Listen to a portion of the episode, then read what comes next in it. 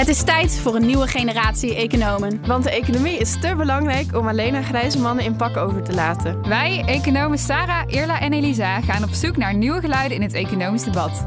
Welkom bij de Nieuwe Economen Podcast. Welkom bij seizoen 2 van de Nieuwe Economen Podcast.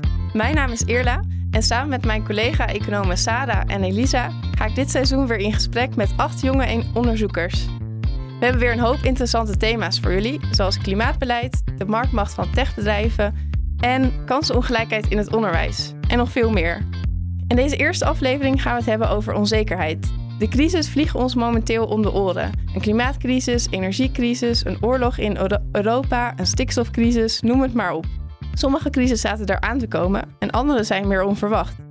Wat ik me dus afvraag is, kan de overheid nog wel omgaan met grote, soms onverwachte ontwikkelingen? Iemand die er alles van weet is Joost van Breda. Naast zijn fulltime baan bij ING promoveert hij aan de Universiteit van Maastricht. Hij onderzoekt hoe onzekerheid kan worden meegenomen in beslissingen. Welkom Joost. Ja, leuk om hier te zijn.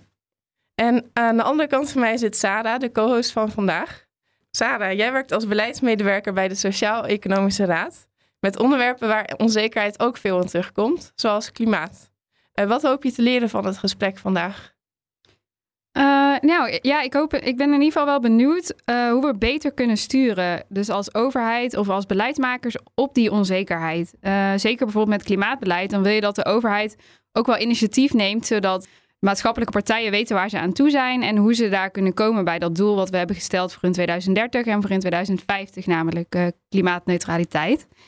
Uh, maar dat is ook wel eens wel heel moeilijk, want ja, we hebben heel veel onderzoek gedaan naar klimaat, maar je hebt toch nog duizend manieren om daar te komen bij die klimaatneutraliteit. En er kunnen allerlei dingen gebeuren, allerlei externe schokken, waardoor het toch weer moeilijker wordt, zoals nu bijvoorbeeld bij de gascrisis. Dus uh, ja, ik ben wel benieuwd, hoe kun je daar nou nog beter op sturen? Oké, nou, grote opgave voor Joost. En Joost, je begon je PhD eigenlijk met een heel ander onderwerp, optimaal bankkapitaal. Maar je bent overgestapt op een PhD waarin onzekerheid centraal staat. Van waar die ommezwaai? Dus ik ben, ik ben inderdaad begonnen met het analyseren van wat nou een optimaal bankkapitaal uh, is. En dat was, dat was destijds een hot topic, omdat eigenlijk naar aanleiding van de verschillende crises, dus in 2008 en 2012, banken ondergekapitaliseerd bleken. En op dat moment um, onderzoeken eigenlijk uh, achter elkaar doorgingen van het moet 1% hoger, leverage ratio moet 1% lager en dit is optimaal. En ik dook daarin en ik kwam er eigenlijk steeds meer achter dat er gigantische kwantitatieve modellen gemaakt werden om te onderzoeken wat nou dat heel precies zou moeten zijn. Terwijl als ik gewoon keek naar wat er gebeurde in 2008 en 2012, was eigenlijk de conclusie, ja, banken hebben gewoon te weinig kapitaal. Nou, toen, uh, dus ergens, ergens wrong dat. En toen ben ik toevallig naar een, naar een lezing gegaan, als een vierluik van, van Lex Hoogduin. Hij is nu mijn begeleider.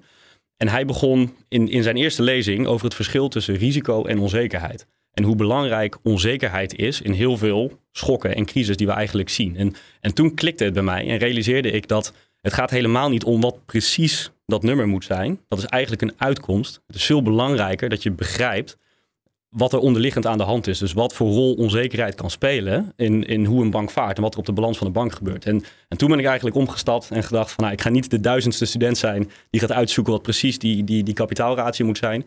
Maar ik ga me verdiepen in de onderliggende eigenschappen van, van de economie met onzekerheid als centraal uh, onderwerp. Oké, en in je onderzoek heb je het over enerzijds onzekerheid en anderzijds risico's en kansen. Voor mij klinkt dat ook wel een beetje als dezelfde dingen, maar wat is nou het verschil tussen die twee? Ja, dus misschien goed om even een aantal concepten heel kort uiteen te zetten. Dus misschien een beetje droog, maar daar moeten we even doorheen. Ja, dus om te beginnen hebben we het verschil tussen risico en onzekerheid. En dat is een fundamenteel verschil, wat op dit moment, of wat eigenlijk door de jaren heen, te weinig expliciet uh, gemaakt is, naar mijn mening. En risico is heel droog een situatie waarin je van tevoren alle mogelijke uitkomsten van een, uh, van een event of van een actie kent, met de bijbehorende waarschijnlijkheidsverdeling. Nou, in gewone mensentaal betekent dit in feite dat je bijvoorbeeld een dobbelsteen kan gooien. En op het moment dat je een dobbelsteen gooit, dan weet je dat je zes verschillende uitkomsten hebt. En je weet dat de kans dat een van die uitkomsten komt is, is 1 zesde. Dus je hebt een complete set aan uitkomsten en aan, en aan waarschijnlijkheden. En dat is een pure situatie van risico. Of bijvoorbeeld dan een loterij uit het echte leven. Dat is ook een situatie met risico en kansen. Loterij, een situatie van risico en kansen. In zekere zin de verzekeringsmarkt. De verzekeringsmarkt zou je kunnen zien als een, als een situatie die, die, die schuurt tegen het risico aan.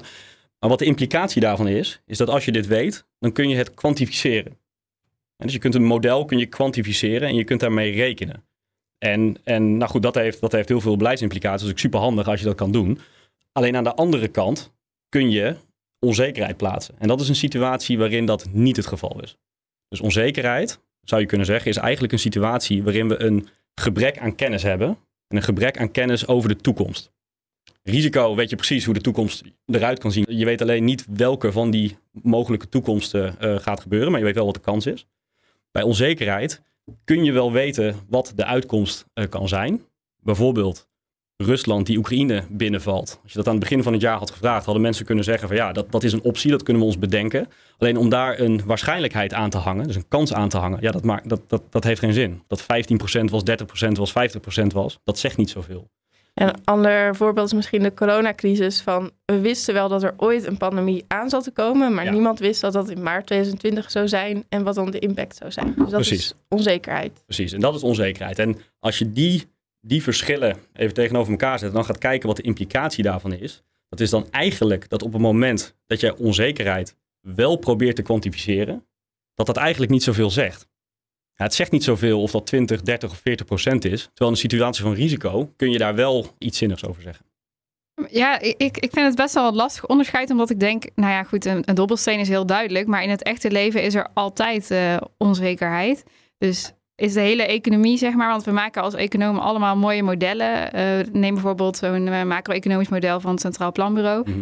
Zeg je dan van, nou ja, daar heb je eigenlijk niks aan, want uh, die onzekerheid, die, dat is altijd een factor. Ja, nee, dat, is een goede, dat is een goede vraag. En dat is ook precies mijn punt. Dat eigenlijk in het echte leven zijn veel meer zaken zijn onzeker dan dat we wellicht doen voorkomen. En wat ik daarmee bedoel is dat je ziet bij het Centraal Planbureau, maar je ziet ook bij het IMF en bij de ECB en, en zelfs, zelfs de overheid, proberen we heel veel, heel veel zaken heel precies te modelleren en, daar uit, en, en met die uitkomsten, op basis van die uitkomsten beleid te maken. In een situatie van onzekerheid kun je daar niet van uitgaan. Zeg je die waarschijnlijkheidsverdelingen, zeg je eigenlijk niets. Dus als antwoord op jouw vraag, kijk, die modellen, die modellen zijn heel handig om te begrijpen wat er in de economie gebeurt. Dus die kunnen je helpen wat er in de economie gebeurt. Alleen de uitkomsten per se, ja, daar moeten we ons niet op blind hm. staren. Dus de, mijn punt is, is dat er nog wat anders is en dat je op een andere manier met, met onzekerheid moet omgaan. Denk je ook dat we te veel energie steken in modellen? Ja, dat vind, dat vind ik lastig te zeggen. Kijk, het gaat, het gaat er uiteindelijk om wat je met het model wil. Ja. Ja, dus op het moment dat je met het model heel precies de toekomst wil gaan voorspellen, ja, dus wat de inflatie over twee jaar is, ja, dan ik denk dat we daar niet al te veel energie in moeten steken. Als jouw doel is om een model te maken om te begrijpen wat de onderliggende factoren zijn die de inflatie drijven, dan denk ik dat het een hele goede exercitie is. Ik snap het. Ik, ik las in jouw paper dat die verschillende visies op onzekerheid vanuit de Oostenrijkse school zijn bedacht. Dat, dat vond ik wel grappig, want ik ken de Oostenrijkse school vooral van uh, nou ja, het neoliberalisme. Uh, je hebt Hayek, uh, je hebt Friedman, Lex Hoogtuin is ook wel iemand die ik ermee mm associeer. Dat is jouw promotor. Maar ik denk niet per se aan onzekerheid. hoe zit dat? Alleen wat het punt is, is dat in veel beleids, beleidsbeslissingen onzekerheid uiteindelijk niet centraal wordt gesteld. Dus in de Oostenrijkse school is het een centraal punt van hoe je naar de economie kijkt. Dus er is altijd onzekerheid. En dit maakt dat de economie dynamisch is. Dit maakt dat je keuzes door tijd moet maken. En dit maakt dat je fouten kunt maken en dat je van die fouten kunt leren en weer, en weer door kan gaan. Terwijl in het meer klassieke model zie je eigenlijk dat, um, dat onzekerheid verdwijnt, omdat simultaan alle vergelijkingen in een soort utility optimization zeg maar in elkaar vallen. En dan hebben we een optimaal punt op één moment in tijd. En daarmee is, de, is, de, is het model of is de vergelijking is geoptimaliseerd. En de Oostenrijkse school die stapt daar eigenlijk van af en die zegt nee dat kan niet. Er is altijd onzekerheid. Dus we moeten op een andere manier omgaan met, uh, met die onzekerheid. En die visie staat best wel haaks op hoe sommige beleidseconomen nu omgaan met onvoorspelbaarheid. Uh, hoe reageren andere economen nou op jouw onderzoek? Ja, Eigenlijk, eigenlijk op twee manieren, denk ik. Maar, maar misschien, misschien goed om te zeggen is dat, dat als je aan een econoom vraagt van is er onzekerheid of hoe, hoe, denk je dat er onzekerheid is in de economie, dan zegt 9 van de 10 die zegt ja, tuurlijk, tuurlijk is er onzekerheid. Alleen dan de vraag is, hoe ga je daarmee om? En wat, we aan de een, wat ik aan de ene kant zie, is dat economen inderdaad zeggen van ja, er is onzekerheid, maar dat gaan we kwantificeren. Dus feitelijk wat ik in het begin zei, dat je onzekerheid niet kan, kan kwantificeren, dat toch proberen. Dus dat betekent het model, je zou kunnen zeggen, het model groter en groter maken. Meer parameters erin, meer dingen proberen te verklaren. En wat je dan eigenlijk doet, en dat is mijn kritiek daarop, is op het moment dat je in een situatie van, van onzekerheid zit, heb je eigenlijk een pretentie van kennis die je niet kan hebben. Ja, want ik zei net dat onzekerheid is eigenlijk een, een gebrek aan kennis van de toekomst. Op het moment dat je dat toch in een model probeert, probeert te stoppen, dan ben je eigenlijk bezig om, uh, ja, met een pretentie van kennis die je, die je niet kan hebben. Gevolg daarvan is, dat je beleid gaat maken op verkeerde, verkeerde aannames. En een potentieel gevolg daarvan is dat je dus met allerlei crises te maken hebt, die achteraf, wat je ook vaak in de krant leest, niet in het model zaten. Ik van ja, dan, dan gaan we dus de hele tijd gaan we een model maken, terwijl als er echt iets serieus gebeurt, dan zit het niet in het model. Ja, dus dat, dus ik, ik, ik, ik wijk af van die uh, manier van, van aanpakken. En de tweede manier van aanpakken is eigenlijk uh, dat mensen zeggen van ja, oké, okay, maar ik accepteer dat er onzekerheid is. Ik accepteer ook dat je dat niet kan meten, maar dan kun je dus niks meer.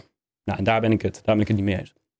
En hoe kun je nou toch omgaan met die onzekerheid als econoom? Dus in mijn proefschrift probeer ik een antwoord te geven op de vraag van hoe kunnen we nou beter omgaan met onzekerheid en complexiteit? En wat ik net zei over risico, dat is eigenlijk een situatie waarin je heel goed kan rekenen en dus in zekere zin de toekomst daarmee kan, kan vormgeven, is voor onzekerheid het centrale concept wat wij noemen potentiële verrassing. dus we moeten accepteren dat het dat we er niet aan ontkomen dat in het hele leven onzekerheid is. Ik bedoel, kijk maar naar jezelf, individueel. Kijk naar bedrijven, kijk naar landen, kijk naar, naar, naar een pandemie. Er is altijd en overal onzekerheid. Daar, daar ontkomen we niet aan. Op het moment dat we accepteren dat er altijd onzekerheid is, dan zullen er dus altijd dingen gebeuren die we niet konden weten. Dat is, dat is een logisch gevolg daarvan. Dus dat is een beetje, dat, dat schuurt een beetje aan tegen ja, dit zat niet in het model. Ja, precies. Dat is een verrassing. En dat, en dat, en dat kon, je niet, kon je niet zien aankomen. Dus wat ik bedoel met potential surprise, is dat het potentieel is. Want je weet niet wanneer het gebeurt, wat de kans is dat het gebeurt.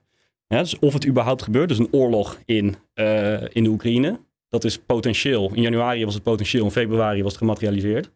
Wie het WK gaat winnen in Qatar. Ja, we weten wat de mogelijke uitkomsten zijn, maar het zegt niks dat Nederland zoveel procent kans heeft en Brazilië zoveel procent kans. Dus dat is het potentiële stuk. Verrassingselement, dat is dat het event echt gebeurt. En dat triggert een heroverweging van de beleidskeuzes.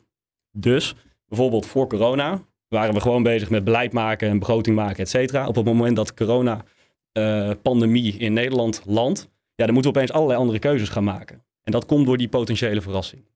En misschien om, om het helemaal af te maken van, oké, als, als we accepteren dat er altijd onzekerheid is, dat er dus altijd potentiële verrassingen zijn, dan kun je dus niet kwantitatief dit allemaal gaan proberen af te vangen. Maar um, zijn wij een model aan ontwikkelen, of eigenlijk een raamwerk, beter gezegd, aan ontwikkelen. En dat heet een framework to act under uncertainty and complexity. Waarbij het act stukje heel belangrijk is, want het gaat om actie. En we hebben eigenlijk een zestal acties gedefinieerd die je kunnen helpen om om te gaan met onzekerheid. En dat is dat je alert moet zijn. Wees alert om die verrassingen op te sporen en te kijken of je de verrassingen aan kan zien komen.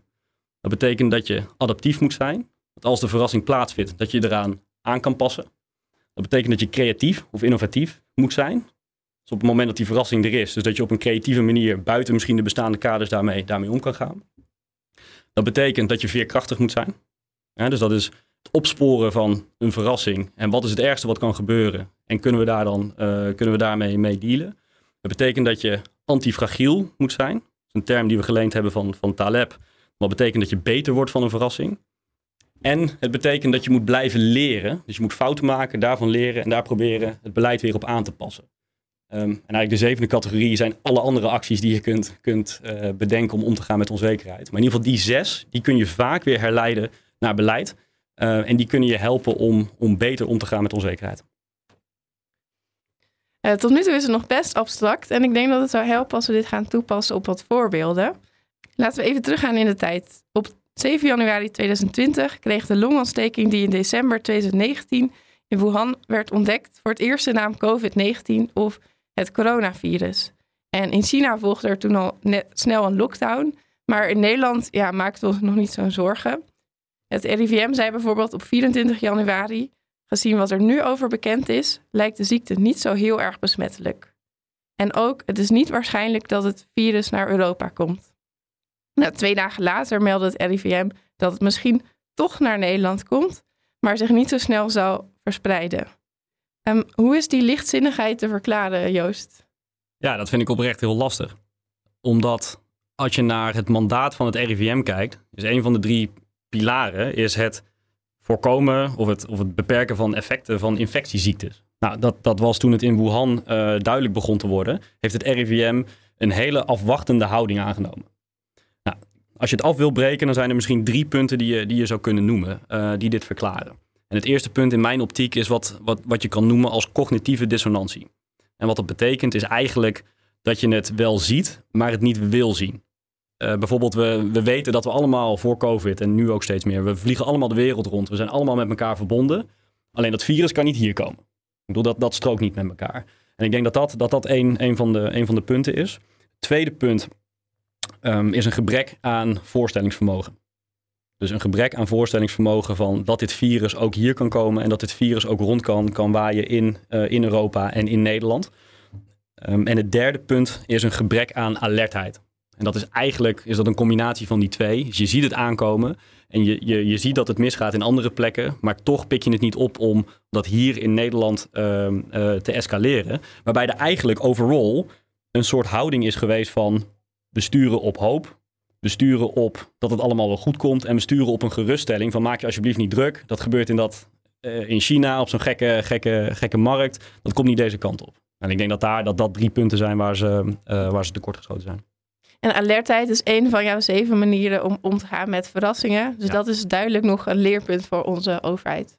Ja, zeker. zeker. En dan moet ik wel het onderscheid maken, is dat je natuurlijk in een, want dit is een, dit zou je kunnen zeggen dat dit een, dit een complex probleem. Die spelen heel veel verschillende factoren spelen een rol. En dat de RIVM een ander mandaat heeft dan, dan de overheid, dan Rutte bijvoorbeeld. En Rutte zal dit altijd politiek aanvliegen. En vanuit Rutte snap ik het, of vanuit het kabinet, dat je in het begin uh, uh, uh, probeert geruststelling te brengen. Alleen het RIVM had bij wijze van spreken meteen moeten escaleren. Of een soort overreactie had je daarvan kunnen verwachten. Om in ieder geval dat geluid te laten horen. En nu had ik het idee dat het allemaal heel erg afgekaderd was van nee, dit komt allemaal wel goed en dit blijft daar, we hoeven ons geen zorgen te maken. Ja, ik denk ook wel van, je had, je had eerst natuurlijk Mexicaanse griep en SARS en toen viel het allemaal uiteindelijk reuze mee, dat ze dachten, nou ja, het zal wel weer zo'n uh, zo'n soort pandemie zijn. Kijk, uiteindelijk wat, wat belangrijk is bij dergelijke problemen, is dat je jezelf de vraag stelt, wat is hier aan de hand? Nou, wat is de aard van het probleem? En als je kijkt naar SARS en naar de Mexicaanse griep, dan, dan, dan, zitten daar vergelijkbare fases in, maar ook hele andere, hele andere fases zitten erin. En en dit, dit, dit, vanuit mijn raamwerk gezien is dit meer het punt veerkracht. Is dat je moet kijken van wat is hier aan de hand? Wat is de aard van het probleem? Dan zie je dat we een, een snel om zich heen slaand virus hebben. Waarbij we niet goed weten wat langetermijn effecten zijn. Waarbij we wel weten dat mensen relatief snel op de intensive care komen. En waarbij we op een gegeven moment ook weten dat dit een exponentieel uh, proces is. En wat, wat belangrijk is aan dat exponentiële proces is om een voorbeeld te geven, is dat op het moment dat jouw buurman verdrinkt in zijn zwembad, dat is heel treurig, maar dat heeft nul effect op de kans dat jij verdrinkt in jouw zwembad. If anything, word je wat voorzichtiger. Op het moment dat jouw buurman COVID heeft, dan is de kans neemt meteen toe dat jij ook COVID krijgt. En op het moment dat dat door een heel uh, door een land of door, door, door, een gebied gaat, dan kan het dus heel snel gaan. En die exponentiële component, die leidt ertoe dat COVID heel snel de intensive care uh, uh, vol, zou kunnen, vol zou kunnen zetten. Wat betekent dat de gezondheidszorg onderuit gaat. Wat betekent dat uiteindelijk je hele economie onderuit gaat. En op het moment dat je deze eigenlijk simpele vragen al heel vroeg in het proces stelt en beantwoordt zoals ik dat, dat nu doe, en destijds ook best wel veel deskundigen al deden, dan weet je dus dat je in een heel ander beleidsregime komt dan een hele simpele kosten-baatanalyse.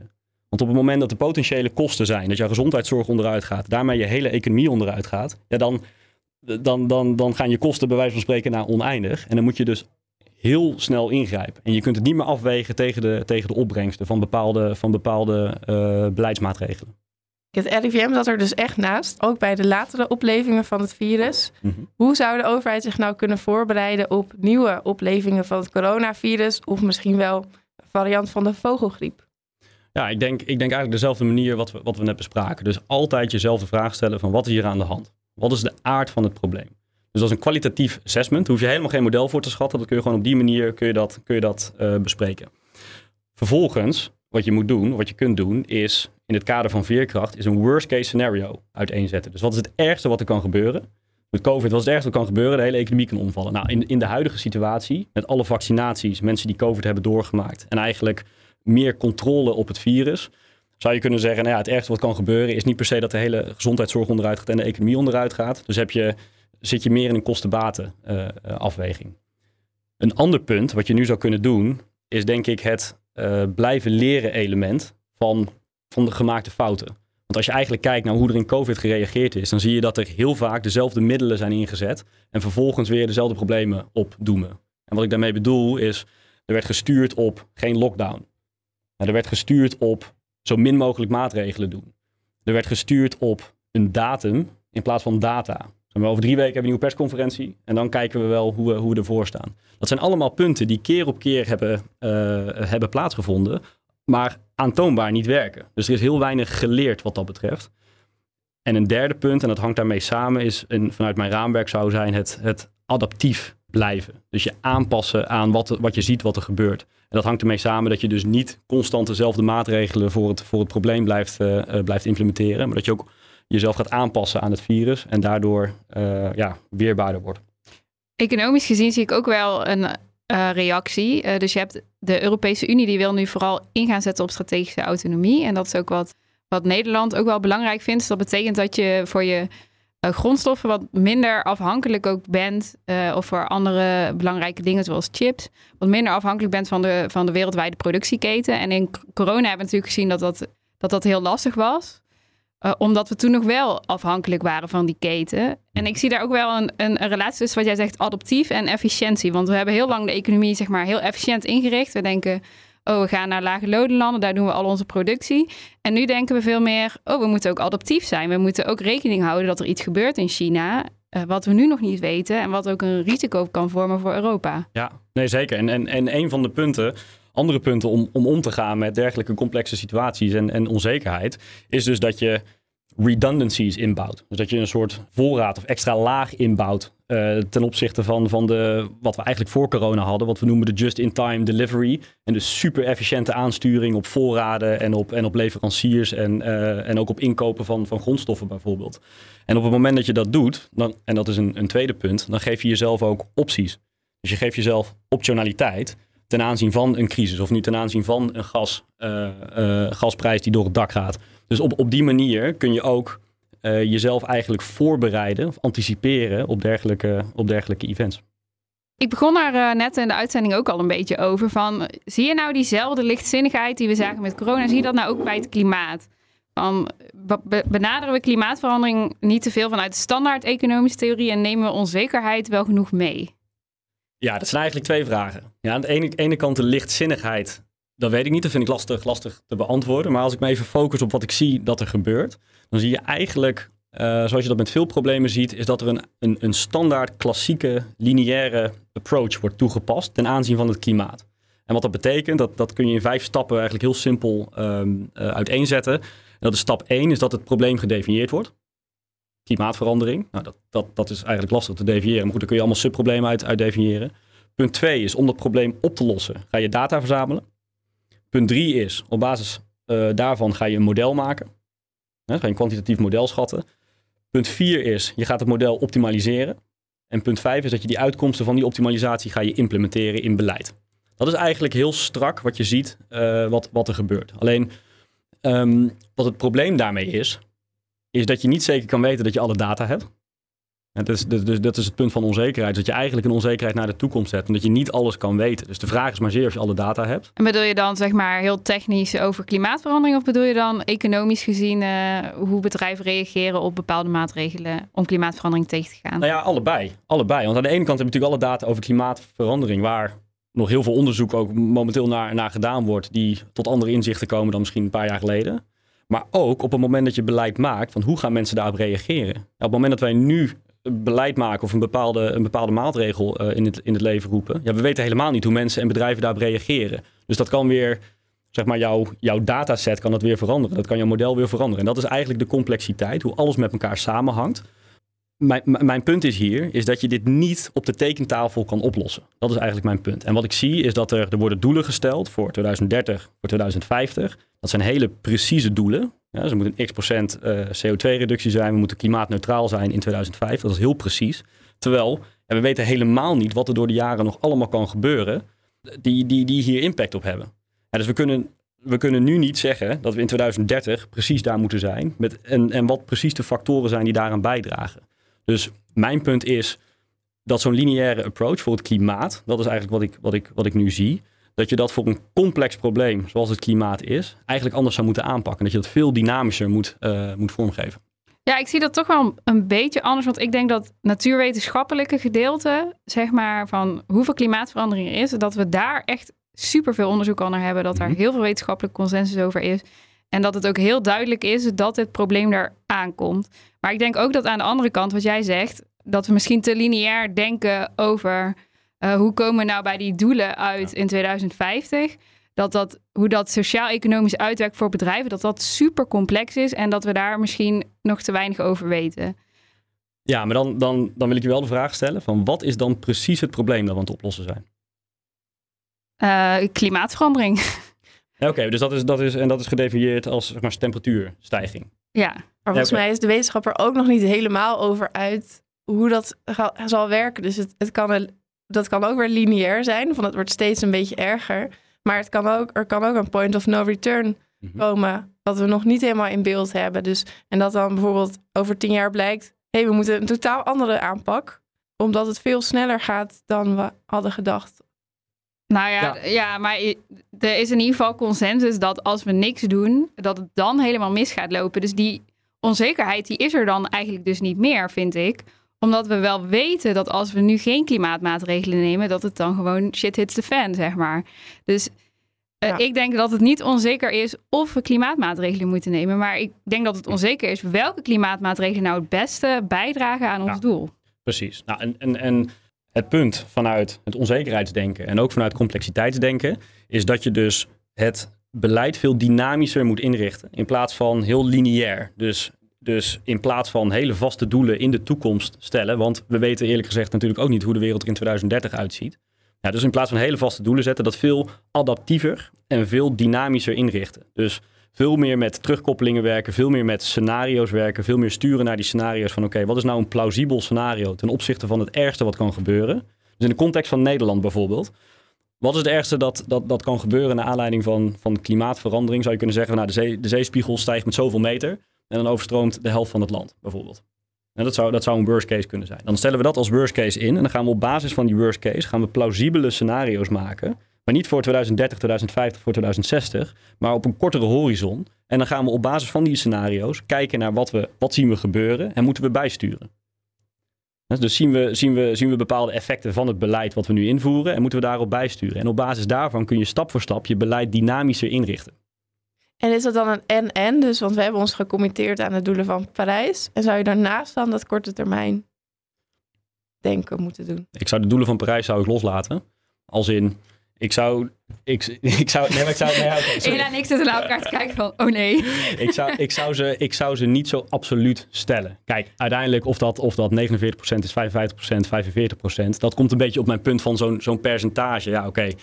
Ik weet niet of we daar heel veel mee kunnen. Wat voor mij belangrijker is, is dat we het onderliggende probleem aanpakken. Dus bijvoorbeeld CO2-beprijzing. Zorg er nou voor dat zo snel mogelijk die CO2 beprijs wordt. En dat we daardoor, zeg maar, dat we op basis daarvan mensen keuzes kunnen maken voor CO2-reductie. Zorg er nou voor dat op het moment dat we zien in twee jaar dat het allemaal veel harder gaat dan dat we denken, dat we meteen bijsturen. Dat we misschien die doelen veel, veel hoger stellen voor, uh, voor over vijf jaar of misschien zelfs wel voor 2030. Maar dat we dat, dat we dat op een adaptieve manier doen. En ik heb heel erg het gevoel dat we dat nu vaststellen voor 2030. En dat is de lijn waar we naartoe moeten. Ja, is, wat, ik, wat er wel is, er zit wel een soort mechanisme in. Dus het Planbureau voor de Leefomgeving, die doet het elk jaar de CAF. En dat is de Klimaat- en Energie-evaluatie. En daarin kijken ze of de maatregelen die de overheid nu neemt... genoeg bijdragen aan de doelen voor 2030. En de laatste, uh, evaluatie, of, uh, de laatste CAF liet zien, nou, we zijn er nog niet. Uh, Dus er gebeurt nog te weinig. En dan kom je, dan kom je op wat, wat centraal staat in het raamwerk dat we aan het uitwerken zijn. Dat is dat de actie, het actie-element, dat moet altijd van toepassing zijn. Dus op het moment dat we dat zien en op het moment dat we dit bijvoorbeeld monitoren. Ja, monitoren zonder actie voor mij betekent niks. Dat is, dan zit je gewoon naar een dashboard te kijken en denk je van ja, het gaat, het gaat de verkeerde kant op. Dus je moet, en dat is beleidsmatig, dan moet je dus actie ondernemen. Dan moet je de scenario's gaan bijstellen en op basis daarvan je beleid aanpassen. En op basis daarvan ofwel nieuwe doelen stellen, um, ja, ofwel, ofwel je, je scenario's bij, uh, bijschaven. Ja, dus we zien het nu wel, maar we doen er niks mee. Nou, ja, Te weinig. Nou ja, de minister kan er nog wel wat mee doen. Ik bedoel, het is net, eh, net anderhalve maand geleden is die evaluatie uitgekomen. Dus. Maar nee, inderdaad. Ik vind ook dat we meer moeten doen. Maar eh, we moeten ook wel wat tijd nemen soms om te weten waar we op sturen, denk ik. En misschien nog, nog één punt ten aanzien van de, van, de, van de doelen van Parijs. Kijk, je moet ze niet overboord eh, gooien per se. Maar het is, een, het, is een, het, is een, het is een probleem wat uit verschillende elementen bestaat. En wederom een, een complex probleem. Dus wat ik denk is dat je ook kritisch naar de doelen moet kijken. En vanuit klimaatbeleid zou een van de doelen kunnen zijn... even los van de, de, de precieze nummers waar ik het niet per se mee eens ben... maar dat zou kunnen zijn is dat je de energietransitie bevordert. Ja, dat dat een van je doelen is om, om te komen tot het resultaat wat je, wat je wil bereiken. Ehm, een, een, ander, een ander doel zou kunnen zijn, voor Nederland specifiek, is dat je je ook aanpast aan de gevolgen van klimaatverandering. Dus dat je, dat je het niet alleen probeert te mitigeren. En zeg maar CO2-reductie is uiteindelijk een mitigatie van het probleem. Maar dat je je gaat aanpassen. Dat je gaat kijken naar de Delta-programma's, dat je gaat kijken naar, naar dijkverhoging, ik, ik, noem maar wat. Ehm, en een derde punt, wat, wat belangrijk is, ook in de doelstelling, is dat je constant blijft leren. Dus constant onderzoek blijft doen, wederom naar wat zijn de onderliggende eigenschappen van het probleem. En kunnen we daar beter beleid op, op stoelen. Elisa kon er vandaag helaas niet bij zijn, eh, maar ze heeft wel een vraag voor ons ingesproken. Die laat ik even horen. Hoi Joost, ik vroeg me af. We zagen in 2020 en 2022 dat economische voorspellingen er sterk naast zaten, omdat ze niet uitgingen van een pandemie en een oorlog. Wat is het nut eigenlijk van economische voorspellingen over groei, inflatie en bijvoorbeeld de rente, als er zulke grote onzekerheid is? Ja, dat is, dat is een goede vraag. En, en dat, dat, het linkt eigenlijk een beetje terug naar de discussie die we hiervoor hadden. En dat is namelijk dat het erom gaat wat precies het doel van je model of het doel van je voorspelling is. En, en Keynes zei al in de, jaren, in de jaren 20 en de jaren 30, het voorspellen van de rente over 20 jaar op een staatsobligatie. Ja, we just don't know. Dat weten we gewoon niet. Dat heeft, helemaal, heeft ook helemaal geen nut om je, om je, om je daarop te, op te fixeren. Maar wat wel nut heeft, is om te kijken van zowel de rente als van, als van inflatie of werkloosheid of een andere macro-economische indicator, is om te kijken wat eronder ligt. Ja, dus wat zijn de eigenschappen die inflatie drijven en wat zijn de eigenschappen die wellicht de rentestand drijven en dat in kaart te brengen. Dat kan je helpen om te kijken van oké, wat is de dynamiek die hieronder ligt.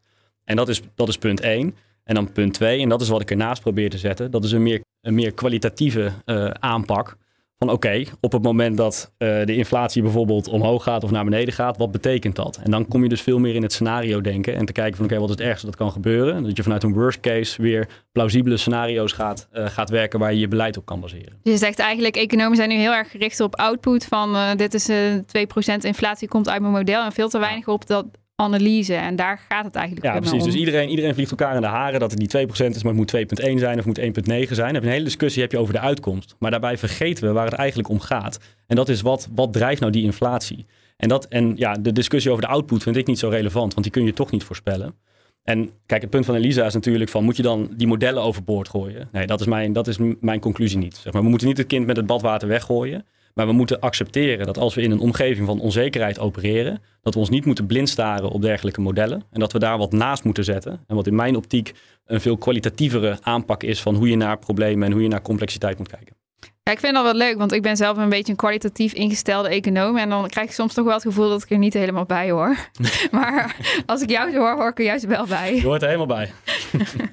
Ja, wat, wat ik ook wel, wel interessant vind, is zeg maar, als ik dan denk aan, aan vroeger had ik nooit het gevoel dat we in een crisis zaten. En nu heb ik het gevoel dat ik continu in een crisis zit. En dat er ook continu weer een crisis bij komt. We hebben de klimaatcrisis, we hebben de wooncrisis, we hebben de economische.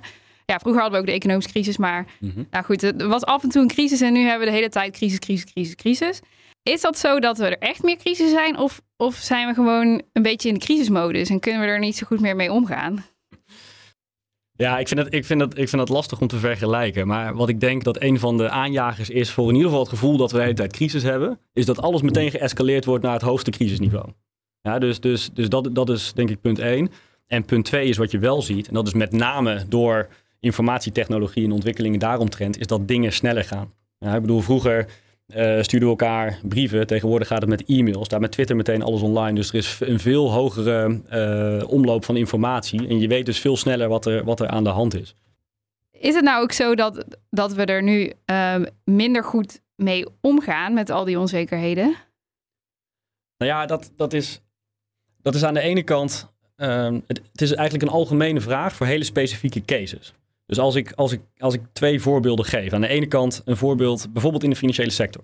Dat is in de financiële sector. Als we kijken nog steeds hoe daar, ehm, hoe daar bijvoorbeeld stresstesten worden toegepast, hoe daar nog steeds kapitaaleisen worden, worden, worden uh, neergelegd. Dat is nog steeds vrij kwantitatief gedreven.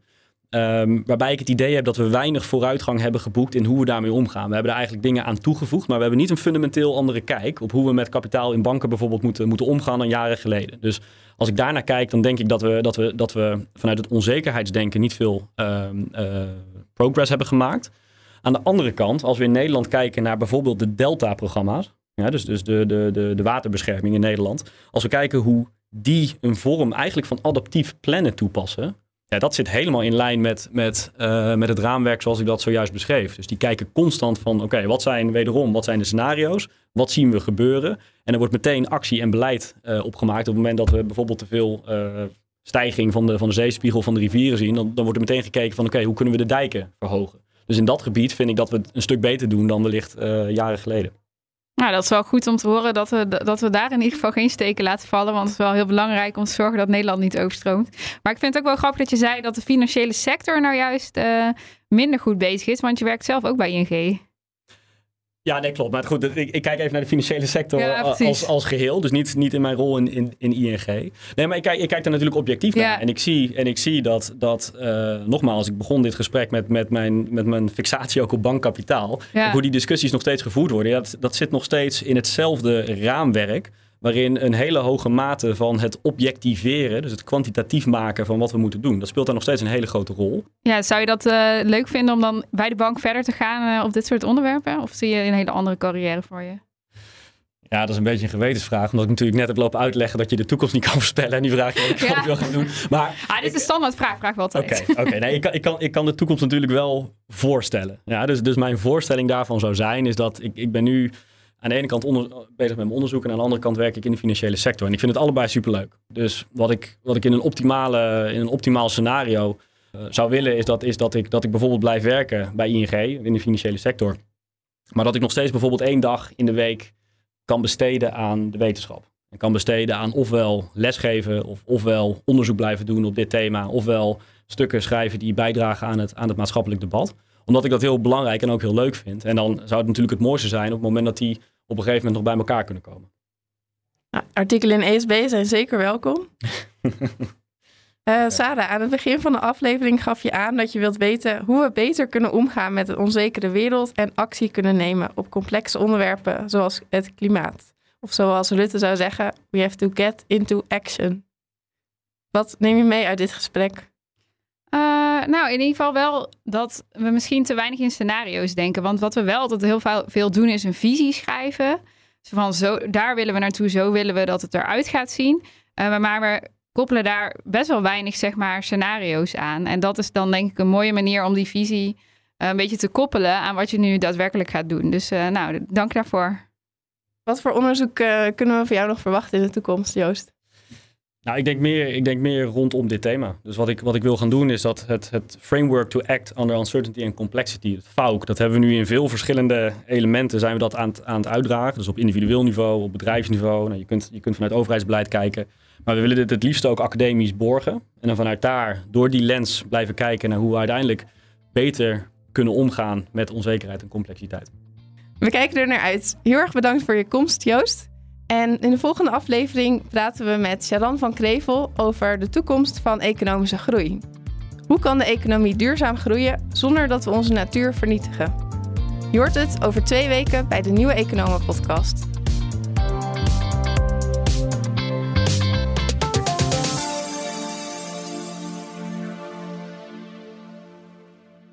Bij Delen Private Bank nemen wij het vermogen dat je opbouwt ter harte. Dat koesteren, bewaken en versterken we. Voor jou en je dierbaren. Delen Private Bank. Voor vandaag en morgen.